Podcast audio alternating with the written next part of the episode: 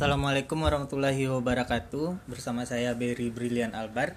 Sekarang kita akan membahas tentang salah satu bagian dari lingkungan eksternal Ketika kita melaksanakan entah itu bisnis internasional Pemasaran internasional atau uh, pemasaran global.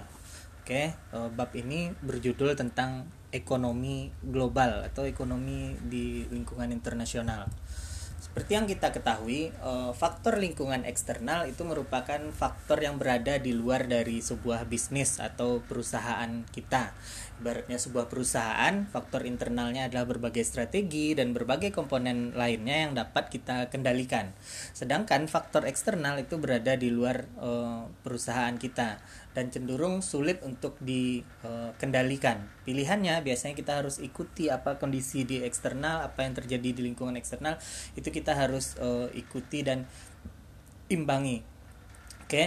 uh, faktor lingkungan eksternal itu banyak, mulai dari lingkungan ekonomi, lingkungan sosial, budaya, lingkungan hukum, politik, eh, teknologi dan lainnya. Ini faktor-faktor yang berada di luar eh, di luar internal bisnis kita. Nah, bagaimana faktor-faktor ini mempengaruhi? Jadi faktor eksternal ini eh, memang berada di luar bisnis kita dan tidak bisa dikendalikan tapi ini akan sangat mempengaruhi. Beberapa perusahaan cenderung untuk memilih mengikuti kondisi yang ada di lingkungan uh, eksternalnya. Misal produk anda adalah sebuah uh, burger uh, berbahan baku misalnya yang tidak halal lalu anda jualan ke negara yang mayoritas muslim Nah, itu kan ada faktor eksternalnya, entah itu sosial, budaya, termasuk e, agamanya. Apakah Anda tetap berjualan yang tidak halal atau Anda akan mengikuti? Nah, beberapa pebisnis akan cenderung untuk mengikuti. Begitu juga situasi ekonominya misalnya, produk Anda adalah produk yang mahal, harganya tinggi, lalu Anda pengen ekspansi ke sebuah negara, lalu ternyata negara itu situasi ekonominya sedang buruk apakah masih uh, masuk akal kalau Anda jualan dengan harga yang mahal atau misalnya Anda paksakan masuk ke negara suatu negara lalu situasi politiknya misalnya sedang uh, makro politiknya sedang buruk, sedang ada perang saudara misalnya. Apakah masih memungkinkan Anda untuk ekspansi atau buka cabang di negara tersebut?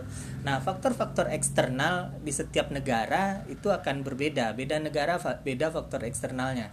Dan ini harus diantisipasi, harus dianalisa oleh perusahaan ketika akan memasuki ketika akan ekspansi ke berbagai uh, negara. Oke, kita mulai dari yang pertama.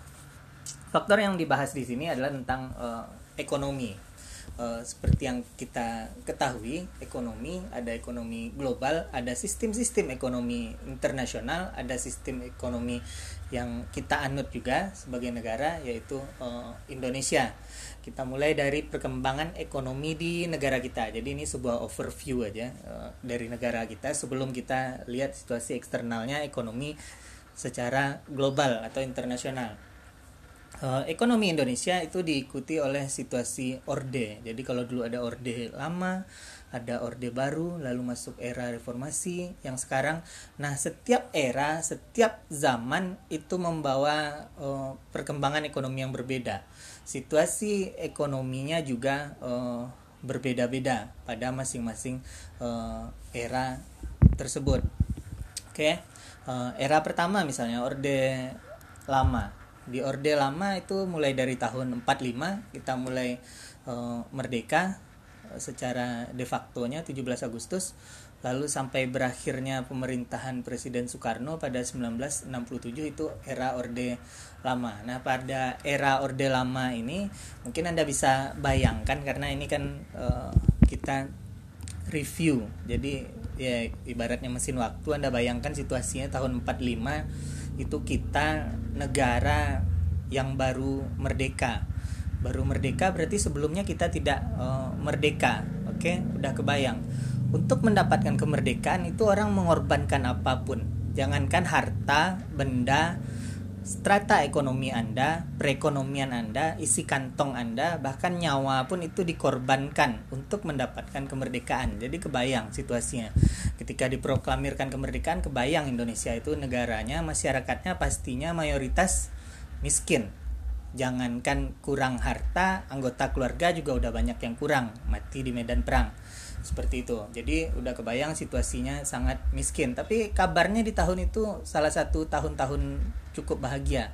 Bisa anda bayangkan setelah bertahun-tahun dijajah lalu merdeka jadi kondisi psikologisnya itu cukup uh, happy masyarakatnya tapi kantongnya aja yang nggak happy.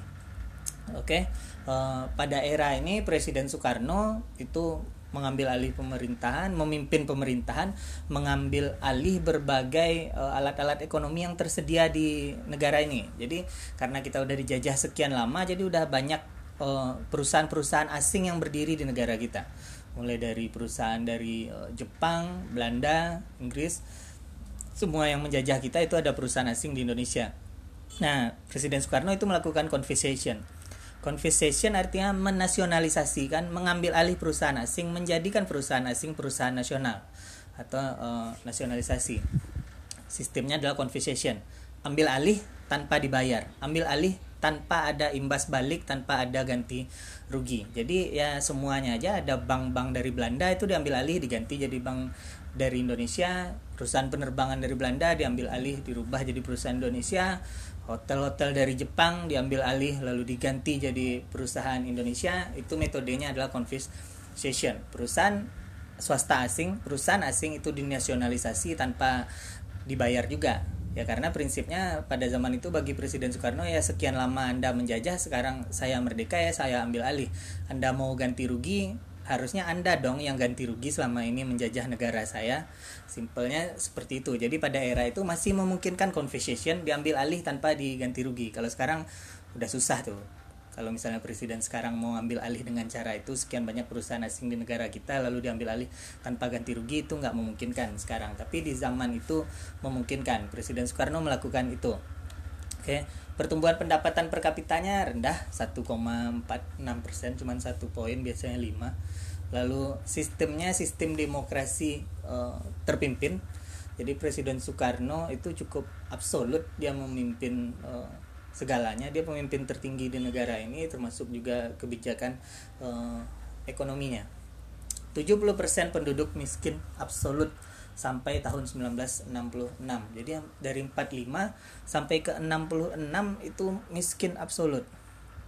Oke. Okay? Uh, Indonesia di zaman Presiden Soekarno itu sudah berganti-ganti menteri uh, keuangannya.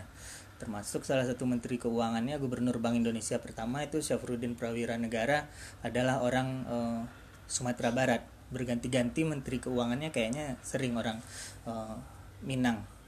Tapi berakhir buruk di tahun 66 70% penduduk itu miskin absolut. Jadi miskin absolut ini ya benar-benar parah e, jangankan sekedar miskin tidak mampu makan ini mungkin nggak mampu makannya udah lewat dari satu hari dan itu terjadi di tahun 66 makanya ada pemberontakan besar-besaran menurunkan harga e, makanan dan lain-lain sehingga akhirnya pemerintahan ini berganti era menjadi orde baru Presiden Soekarno berganti dengan Presiden uh, Soeharto.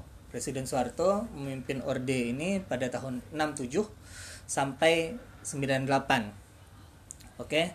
Pada era Presiden uh, pada era Presiden Soeharto itu uh, pembiayaan pembangunan itu diinvestasikan untuk pendidikan jadi Presiden Soeharto berpikir kalau negara mau maju, pendidikan harus maju. Makanya untuk bikin sekolah aja sampai, presiden yang bikin instruksinya.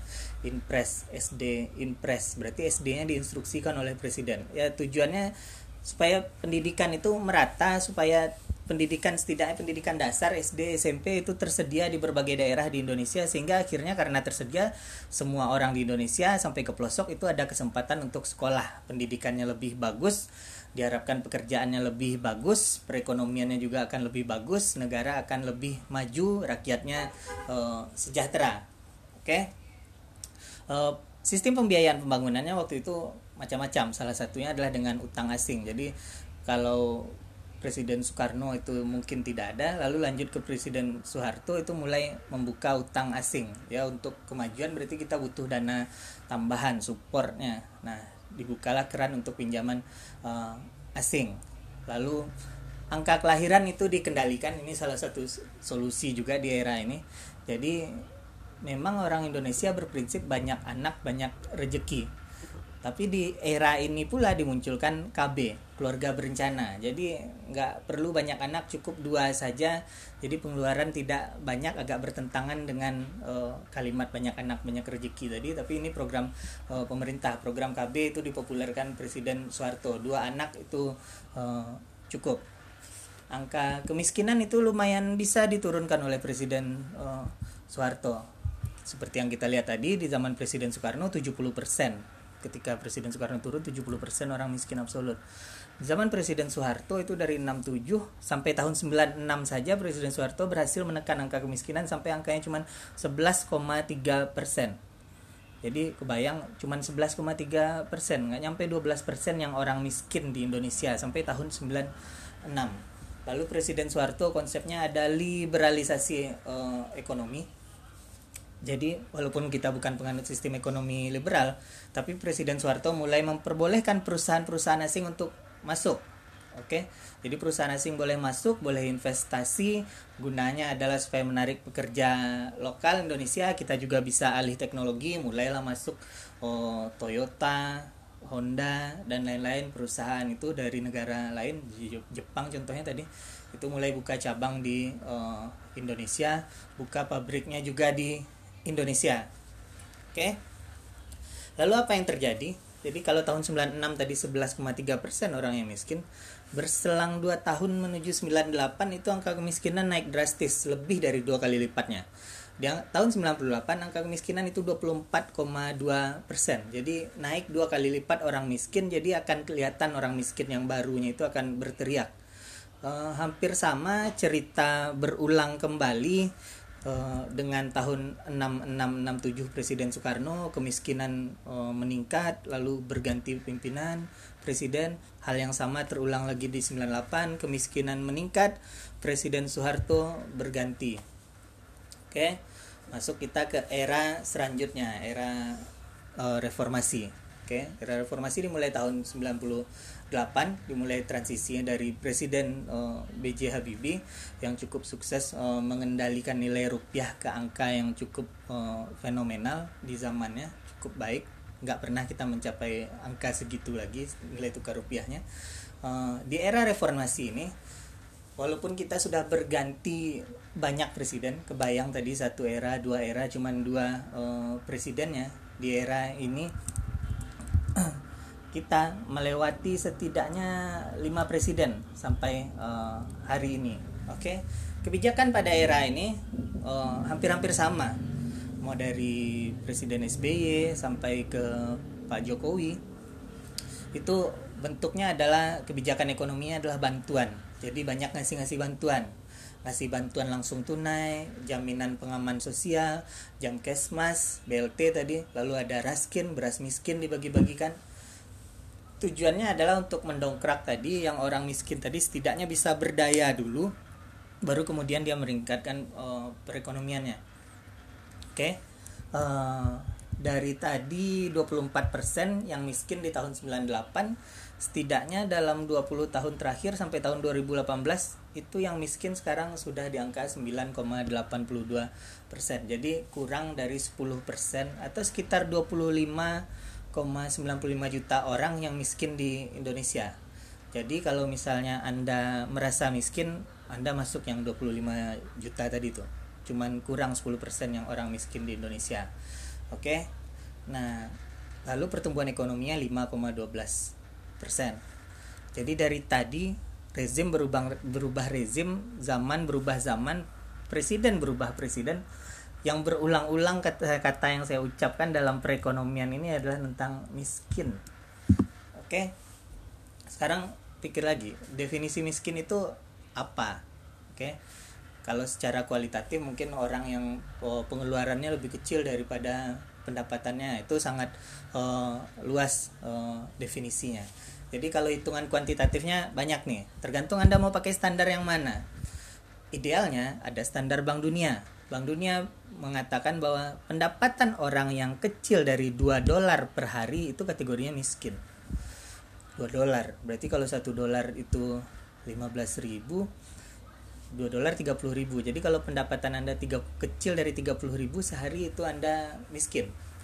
Ya dipikir-pikir aja 30 ribu sehari dapat makan apa? Dapat makan berapa kali? 30 ribu sehari berarti satu bulan kalau dikali 30 berarti 900 ribu jadi anda bergaji di bawah satu juta aja itu kategorinya udah miskin versi standar bank dunia tadi standarnya pakai dolar apakah negara boleh bikin standar sendiri boleh ada negara yang standarnya lebih tinggi dari Bank Dunia, ada negara yang standarnya lebih rendah dari Bank oh, Dunia. Singapura itu negara dengan biaya hidup terbesar di dunia itu pastinya lebih tinggi daripada Bank Dunia. Jangankan Singapura, Malaysia pun itu lebih tinggi daripada standar Bank Dunia. Mungkin sekitar 3.000 ringgit per bulan di bawah 3.000 ringgit itu kategorinya adalah miskin. Pertanyaannya, bagaimana dengan Indonesia? Bagaimana Indonesia mendefinisikan miskin sehingga bisa mengatakan kurang dari 10% orang miskin di Indonesia. Kalau kurang 10% orang miskin di Indonesia berarti lumayan bagus tuh. Satu dari 10 orang yang miskin berarti harusnya 9 orang kaya lainnya bisa membantu satu orang miskin ini nih. Selesai masalah kemiskinan sebenarnya. Oke. Nah, apa standar kemiskinan di Indonesia? Kalau di sini dikatakan eh, kemiskinan di Indonesia diukur berdasarkan pengeluaran minimum untuk kebutuhan pokok. Jadi kalau pendapatannya kecil dari 13.000 per hari itu miskin. Jadi Indonesia bikin standar sendiri 13.000 standar Bank Dunia 2 dolar per hari itu. Berarti standar Indonesia lebih rendah. Banyak pertimbangannya kenapa lebih rendah? Ya mungkin uh, harga nasi bungkus nasi nasi padang itu lebih murah daripada harga Big Mac mungkin. Kalau tadi kan standarnya dolar ini standarnya rupiah. Banyak pertimbangan setiap negara bikin standar seperti itu. Lalu di Indonesia dikategorikan miskin adalah yang berpendapatan 1.990.000 atau 2 juta kurang per rumah tangga yang isinya 4 sampai 5 orang. Jadi kalau Anda hidup 5 4 orang berarti Anda suami istri lalu dengan dua anak Anda itu gajinya di bawah 2 juta itu baru miskin. Oke. Okay? Uh, eh, anda takar aja 2 juta itu untuk hidup berempat. Oke. Okay? Apakah bagus atau tidak standarnya tapi setidaknya itu yang digunakan untuk ukuran sehingga diperoleh angka kemiskinan tadi kurang dari 10%. Kalau Anda merasa standar kemiskinan tadi kurang oke okay, berarti bisa naik lagi angka kemiskinan kebayang kan uh, kalau tadi standar kemiskinannya 2 juta ke bawah aja itu udah kategori miskin lalu anda naikkan standar di bawah 3 juta udah miskin berarti bisa naik lagi jumlahnya. Tapi itu hitungannya hak masing-masing negara menentukan standar kemiskinannya dan angka kemiskinan di Indonesia tahun 2018 adalah 9,82 persen. Lanjut apa sih ciri-ciri orang miskin di Indonesia atau karakteristiknya bagaimana Karakteristik karakteristik yang pertama karena ini dihitung berdasarkan uangnya, oke. Okay, mayoritas yang miskin itu 63% adalah petani. Jadi yang banyak dikategorikan miskin adalah petani.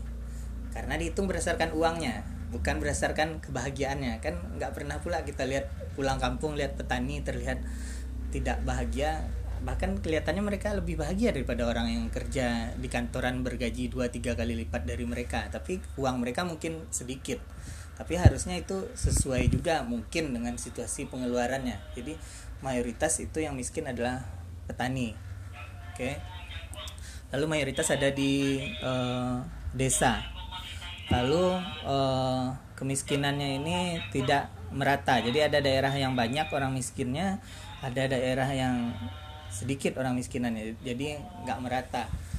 Uh, orang miskin itu 74% pengeluarannya itu untuk makanan. Ya udah pastilah uh, uang yang segitu pasti dimaksimalkan untuk kebutuhan pokoknya primernya yaitu uh, pangan. 74% jadi 3 per 4 nya dihabiskan untuk makan tuh. Jadi kebayang anda gimana orang miskin menyekolahkan anak-anaknya. 3 per 4 uangnya udah habis untuk makan. Yang hebatnya lagi dari 74% untuk makan itu itu 7,9 persennya digunakan untuk rokok kebayang kan? Udah miskin lalu ternyata yang dibeli bukan makan aja ternyata masuk di dalam itu rokok. Dan angka persentase uang yang dihabiskan untuk rokok itu 7,9 persen. Di bagian mana mirisnya? Di bagian mirisnya adalah ini. Pengeluaran orang miskin untuk pendidikan itu angkanya di 1 sampai 2,4 persen. Jadi mereka lebih royal terhadap rokok daripada royal terhadap pendidikan jadi uangnya akan lebih banyak habis untuk ngerokok daripada dihabiskan untuk menyekolahkan anaknya. Itu berdasarkan struktur konsumsinya. jadi jangan heran misalnya anda lihat pengemis misalnya uh, minta uang sambil ngerokok oke mewah kan uh, mereka minta uang butuh uang untuk makan tapi mereka tetap uh, ngerokok jadi merokok itu salah satu kebutuhan pokok juga bagi mereka di atas pendidikan rokok levelnya di atas pendidikan. Kalau lihat dari persentase uang yang dihabiskan uh, untuk dua variabel tersebut. Oke itu Indonesia situasi ekonominya dan bagaimana Anda memandang kata miskin tadi. Itu menghitung kategori miskin berdasarkan pendapatan, berdasarkan pengeluaran. Karena definisi miskin itu banyak. Nanti di sosial nanti di budaya Anda akan belajar lagi tentang strata miskin dan tidak miskin tadi. Tapi tadi dari uh, ekonominya. Lanjut. Sekarang perkembangan ekonomi global. Kalau tadi sejarahnya Indonesia, sekarang dunia. Jadi pada orang sudah melakukan kegiatan ekonomi itu sudah uh, lama. Uh, Nabi Muhammad hidup di abad ke-7 itu adalah seorang saudagar, seorang pedagang. Oke, jadi ekonomi global sudah ada dari zaman dahulu. Nah, kalau yang di sejarah ini dicatatkan eranya adalah merkantilism, yaitu pada tahun 1500-an mulainya. Oke, di era-era ini termasuk uh, negara barat pun mulai menjajah Indonesia itu masuk di era uh, ini. Di era ini di merkantilisme itu yang kuat nilai-nilainya adalah pertama nasionalisme jadi negara itu egosentris, nasionalisme di atas segalanya, negaranya lebih baik dari negara lain. Karena negaranya lebih baik dari negara lain, dia harus menguasai negara lainnya. Makanya di era ini banyak penjajahan, banyak negara menjajah negara lain supaya melebarkan teritorinya, mempertegas bahwa mereka adalah negara yang bisa membawahi negara lainnya. Itu nasionalisme konsepnya. Oke. Lanjut Lalu ada juga yang jalur normalnya itu international trade. Mereka nggak memikirkan untuk menjajah, tapi berdagang lintas e, negara. Itu international trade. Entah itu berdagang ya biasanya kebutuhan pokok biasanya. Biasanya kebutuhan yang e, melimpah-limpah komoditi yang melimpah di negaranya itu akan mereka bawa ke negara e, lain. Prinsipnya kan sama dari dulu sampai sekarang apa yang berlebih di negara kita mungkin kita bisa jual ke negara lain. Apa yang dibutuhkan di negara lain mungkin ada di negara kita kita bisa jual. Itu international e, trade perdagangan internasional. Lalu selanjutnya adalah pahamnya adalah bullionism bullionism ini masih di merkantilism juga bullionism ini adalah uh, di mana ketika uh, setiap negara itu berlomba-lomba untuk paling kaya. Gimana ukuran kayanya? Dari kemampuannya mengumpulkan emas. Jadi mereka ya kayak perompak, kayak bajak laut, hampir sama konsepnya. Uh, menyerang negara lain, menjajah negara lain, mengumpulkan sebanyak-banyaknya kekayaan dari negara lain sehingga dia akan lebih kaya. Itu bullionism. Itu tiga konsep di era merkantilism. Jadi nasionalisme, international trade sama bullionism. Seperti itu yang ada di era ini. Oke, itu eranya uh, merkantilism. Lanjut. Setelah era itu setelah berakhirnya era penjajahan, berakhirnya era perang-perang semuanya, perang dunia satu, perang dunia kedua, mulai setiap negara itu berpikir enaknya kalau dagang kita ya dagang aja nggak usah pakai darah dan air mata juga. Nah makanya mulai kepikiran untuk uh, bikin organisasi perdagangan dunia. Jadi mulai ada yang bikin United Nation, United Nation itu bikin World Trade Organization (WTO) yang mengatur perdagangan anggota-anggota PBB lalu bikin GATT, GATT juga General Agreement on Tariff and Trade sehingga ada uh, keselarasan keadilan dalam tarif pajak dan lain-lainnya yang berhubungan dengan perdagangan lintas negara. Lalu orang mulai mu bikin persatuan-persatuan mulai dari uh, euro misalnya atau yang dekat dengan negara kita adalah ASEAN misalnya uh, masyarakat ekonomi ASEAN mulai 2015 misalnya atau ada negara sesama penghasil eksportir minyak misalnya OPEC misalnya ada EPEC juga dan macam-macam. Nah, itu gunanya adalah kolaborasi kolaborasi bersama bisa saling menguntungkan di dalam uh, perdagangan internasional. Uh, Oke, itu perkembangan ekonomi global. Lanjut. Selanjutnya adalah sistem-sistem ekonomi yang ada di dunia. Sistem ekonomi mungkin istilah yang Anda dengar itu mungkin akan sampai puluhan jumlahnya. Tapi kalau secara teoritis itu cuma ada tiga jenis sistem ekonomi.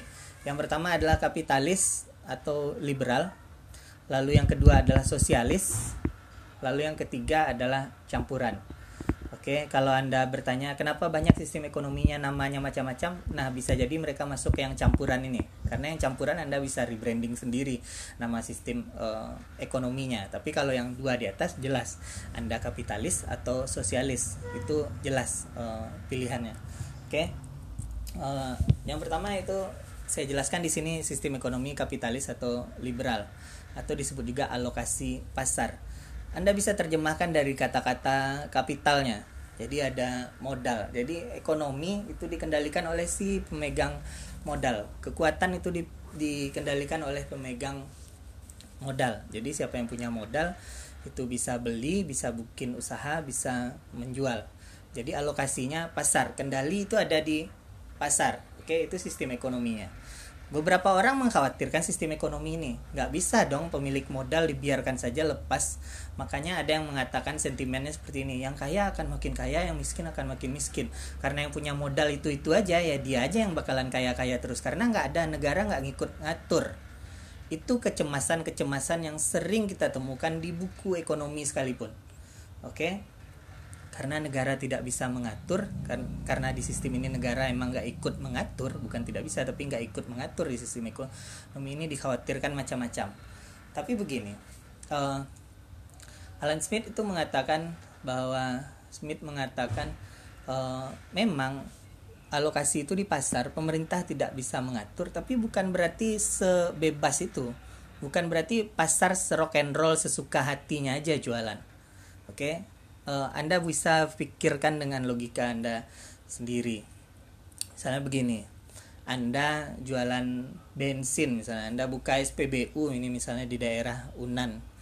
Lalu karena Anda pemilik modal dan sistem ekonominya adalah kapitalis misalnya, negaranya misalnya, lalu Anda putuskan untuk jual bensin itu harganya suka-suka.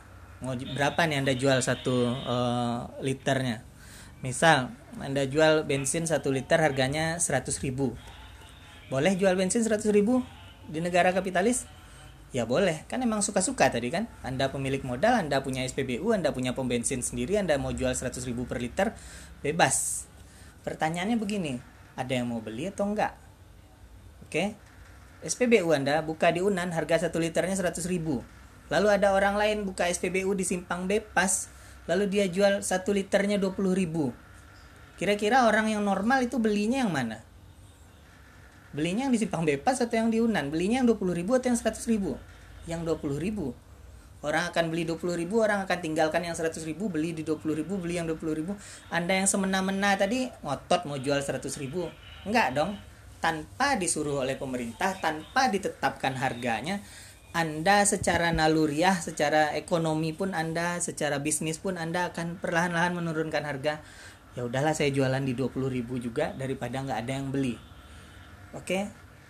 Nggak pernah diatur oleh pemerintah, tapi Anda terpaksa teratur sendiri. Jadi dikatakan di situ menurut Smith itu adalah invisible hand atau tangan yang tidak berwujud jadi nggak perlu yang ngatur itu berwujud pemerintah kalau di sistem ekonomi kapitalis ini.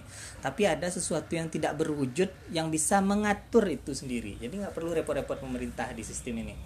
Nah itu yang disebut dengan invisible hand oleh Smith atau tangan yang tidak terlihat. Apa itu tangan tidak terlihat? Ya selera pasar tadi ya pasar tadi yang ngatur sendiri. Nggak bisa juga orang jualan seenak hatinya harganya ya mau jualan mahal ya orang nggak beli. Sesimpel itu kalau Anda mau dibeli ya sesuaikan harga Anda dengan harga pasar, sesuaikan harga Anda dengan kemampuan membeli konsumen Anda. Oke. Itu sistem yang pertama. Jadi intinya alokasinya di pasar, di pemilik modal, pemerintah nggak bisa ikut campur, tapi itu bisa dikendalikan sendiri oleh invisible hand. Itu konsep utamanya. Lanjut. Sistem yang kedua adalah sosialis. Sosialis adalah alokasi perintah. Kalau ini pemerintah ikut campur, semua diatur oleh pemerintah. Harga bensin ditetapkan harganya, harga tarif dasar listrik pun ditetapkan. harga eceran tertinggi obat mungkin ditetapkan harga cabai giling mungkin ditetapkan. Pokoknya pemerintah bisa menetapkan harga. Tujuan pemerintah baik sebenarnya supaya harganya ya mampu dibeli. Setidaknya standar harganya itu disesuaikan dengan perekonomian uh, masyarakatnya. Nah itu sistem sosialis. Berbanding terbalik dari sistem yang tadi sosialis itu diatur oleh uh, pemerintah. Tujuannya sebenarnya sama. Pemerintah menggunakan sistem ekonomi apa pun tujuannya adalah untuk kesejahteraan masyarakat dan e, negaranya. Oke, itu dua sistem e, ekonomi yang berbeda. Lalu bagaimana misalnya negara Anda, Anda punya negara misalnya lalu pengen menentukan sistem ekonominya. Anda bisa ambil salah satu kapitalis, Anda bisa ambil sosialis, tapi kalau Anda merasa saya akan ambil sebagian kapitalis saya akan ambil sosialis sebagian juga. Nggak tahu sebagiannya apakah lebih besar atau lebih kecil. Saya akan mix itu itu masuk kategori yang ketiga sistem ekonominya yaitu campuran. Oke? Intinya di mix saja antara kapitalis dan sosialis. Sekarang pertanyaan saya dari tiga sistem ekonomi tadi Indonesia menganut sistem ekonomi apa? Pertanyaan dasar sebenarnya tapi mungkin anda nggak mampu menjawabnya. Mungkin kalau nggak saya tanya sekarang pun ketika anda udah dapat gelar sarjana ekonomi pun anda masih bingung untuk jawabnya mesti buka Google lagi. Apa sistem ekonomi Indonesia? Walaupun cukup konyol sebenarnya. Kita kuliah di ekonomi nama fakultasnya fakultas ekonomi. Kita kuliah di Indonesia dan kita nggak tahu sistem ekonomi negara kita sendiri. Oke? Udah ketemu jawabannya? Sistem ekonomi yang dianut oleh Indonesia adalah campuran oke okay? tapi kita nggak pernah dengar juga ekonomi Indonesia campuran karena kan nggak enak juga kan ikut forum dunia lalu presiden kita salaman lalu ditanya apa sistem ekonomi negara anda oh sistem ekonomi campuran mix economic eh, nggak uh, keren namanya. Nah makanya negara yang menganut sistem ekonomi campuran itu boleh pakai brand sendiri, boleh pakai nama sendiri. Nama apa yang dipakai oleh Indonesia? Namanya adalah sistem demokrasi ekonomi atau ekonomi Pancasila. Oke. Pancasila ideologi bangsa itu diterapkan di dalam segala hal. Jadi sistem ekonomi kita demokrasi ekonomi atau ekonomi Pancasila. Tapi pengertiannya adalah ini adalah sistem ekonomi campuran. Seperti yang saya jelaskan tadi, apa sih yang dicampur? Yang dicampur yang tadi itu kapitalis, liberalis dicampur sosialis. Cuman campuran dua itu. Oke. Jadi udah pasti ada unsur kapitalisnya, ada unsur sosialisnya karena kita campuran. Di mana kita bisa lihat campurannya berapa, berapa takarannya, apakah tiga banding satu, apakah dua banding tiga, apakah berapa banding berapa antara kapitalis dengan sosialisnya. Uh, menurut Undang-Undang Dasar 1945, sistem perekonomian Indonesia itu tercantum di empat pasal ini. Pasal 23, pasal 27, pasal 33, dan pasal 34 Oke, kalau Anda buka kitab undang-undang, Undang-Undang Dasar 45, itu Anda bisa lihat empat pasal ini Anda bisa definisikan itu tergolong kapitalis atau sosialis. Oke. Ini salah satu isi pasal-pasalnya. E, perekonomian disusun sebagai usaha bersama atas azas kekeluargaan. Azas kekeluargaan letaknya di mana? Sosialis. Oke. Sosialis satu Cabang produksi yang penting bagi negara dan menguasai hajat hidup orang banyak dikuasai oleh negara. Oke, ada kekuasaan negara di sini. Di cabang-cabang produksi udah pasti sosialis. Bumi, air, dan kekayaan alam terkandung di dalamnya dikuasai oleh negara dan dipergunakan untuk sebesar-besarnya kemakmuran rakyat. Ada kata dikuasai negara lagi. Sosialis. Hak milik perorangan diakui pemanfaatannya tidak boleh bertentangan dengan kepentingan masyarakat. Nah, ini kapitalis nih jadi kita boleh memiliki modal, kita boleh buka usaha sendiri, kita boleh punya bisnis, itu ada di pasal ini. Berarti di situ sudah ada kapitalis atau liberalis. Satu. Oke. Lalu fakir miskin dan anak-anak terlantar berhak memperoleh jaminan sosial. Ini ada di sosialis, di kapitalis pun juga memikirkan ini. Jadi udah kebayang campurannya. Anda bisa membedakan mana yang sosialis, kapitalis, kita campuran dari yang saya jelaskan tadi udah jelas campurannya sosialis dan kapitalis yang mana. Lebih jelasnya Anda baca di pasal yang tadi 23, 27, 33, 44 Undang-Undang Dasar 1945. Itulah dia definisi sistem demokrasi ekonomi atau ekonomi Pancasila yang dianut oleh negara kita Republik Indonesia. Oke, lanjut. Uh, karena di dunia ini banyak negara, jadi di dalam perekonomian pun negara-negara ini disegmentasikan jadi kalau Anda mengenal istilah segmentasi untuk untuk konsumen, ada konsumen menengah atas, menengah bawah, konsumen demografinya itu jenis kelaminnya laki-laki, perempuan, berpendidikan berapa, bergaya hidup seperti apa, itu segmentasi konsumen. Ternyata negara pun dionggok-onggokkan segmennya. Jadi negara pun ada segmentasinya. Makanya kalau Anda sering dengar ini negara oh, negara berkembang, ini negara maju, ini negara industri baru ini negara dunia pertama ini negara dunia ketiga itu kebayang kan kita hidup di satu bumi yang sama di satu dunia yang sama tapi pas kategori negara ada kategori dunia pertama ada dunia ketiga. Anehnya nggak ada dunia kedua. Cuman ada istilah dunia pertama ini negara dunia ketiga. Oke? Nah istilah-istilah itu untuk mendefinisikan kelompok segmen dari negara. Jadi sederhananya ya ada negara miskin, ada negara yang menengah ke atas, ada yang negara menengah. Itu kategorinya kalau seperti konsumen. Tapi kalau di negara mungkin bahasanya agak lebih halus jadinya kan. Jadi negara berpenghasilan rendah atau kalau di konsumen disebut negara miskin itu istilah lainnya adalah dunia ketiga atau negara pra industri.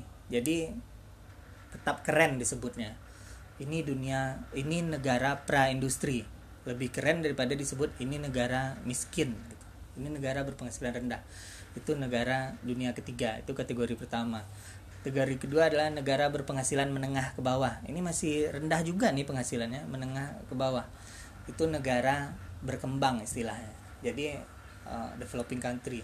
Jadi enak juga terdengar kita negara yang berkembang. Itu kan kata berkembang itu kan harapan itu. Harapan doa supaya berkembangnya jadi bagus lah kembangnya. Seperti itu padahal definisi sebenarnya adalah negara berpenghasilan menengah ke bawah. Oke? Lalu ada negara berpenghasilan menengah ke atas. Nah berarti ini udah kelas menengah dan ke atas lagi. Itu istilah negara industri maju. Bebas anda mau sebut negara industri maju boleh. Negara kaya anda sebut juga boleh. Karena udah udah oke okay, gengsinya. Kalau yang tadi boleh lah anda gunakan bahasa halusnya.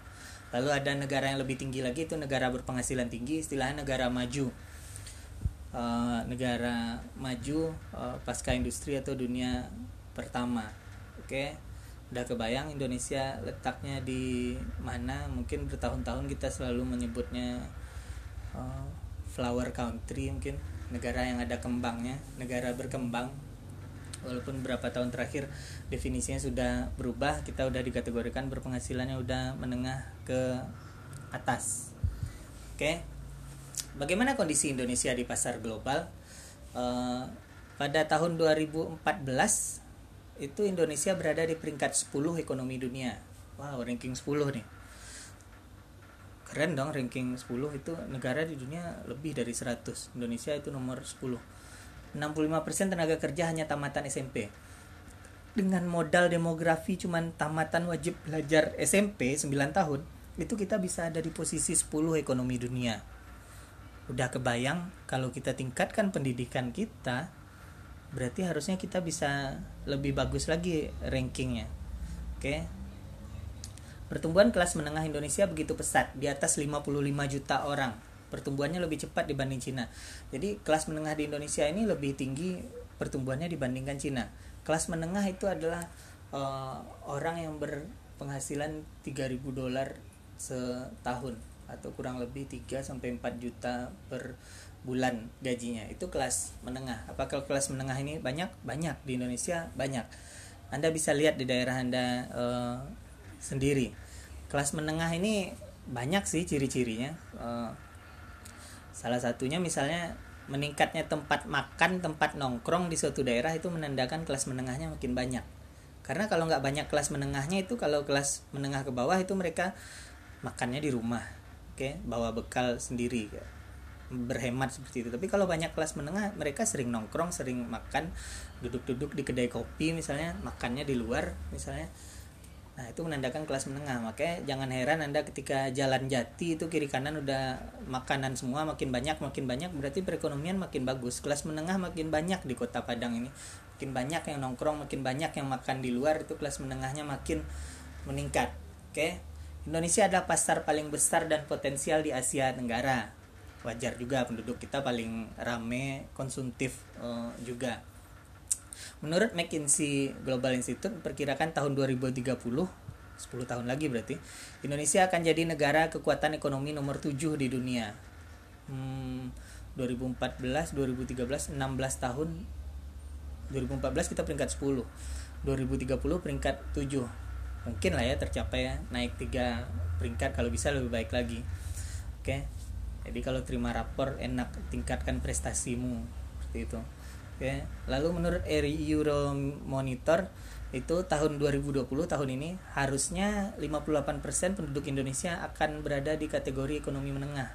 Jadi yang pendapatan 3000 dolar tadi yang menengah tadi yang sering nongkrong di luar, makan di luar tadi itu 58%. Lebih dari setengah penduduk Indonesia ada di kategori itu tahun ini menurut prediksi Euromonitor. Apakah prediksinya benar? Ya kita lihat nanti di akhir tahun hitung-hitungannya seperti uh, apa. Oke, dan presentasi itu lebih tinggi dibandingkan Cina dan India. Presentasi uh, kelas menengahnya. Oke, uh, seperti itu kondisi Indonesia di pasar global. Penduduknya lumayan bukan lumayan penduduknya banyak, konsumtif, tingkat perekonomiannya juga sedang naik-naiknya, kelas menengah sedang naik-naiknya, merupakan pasar potensial negara-negara mana pun merasa dia perlu jualan ke Indonesia karena orang Indonesia konsumen yang cukup uh, konsumtif. Oke, okay? uh, eh, demikian saja penjelasannya dari faktor lingkungan eksternal yaitu ekonomi uh, global atau internasional. Terima kasih, semoga menjadi ilmu yang bermanfaat.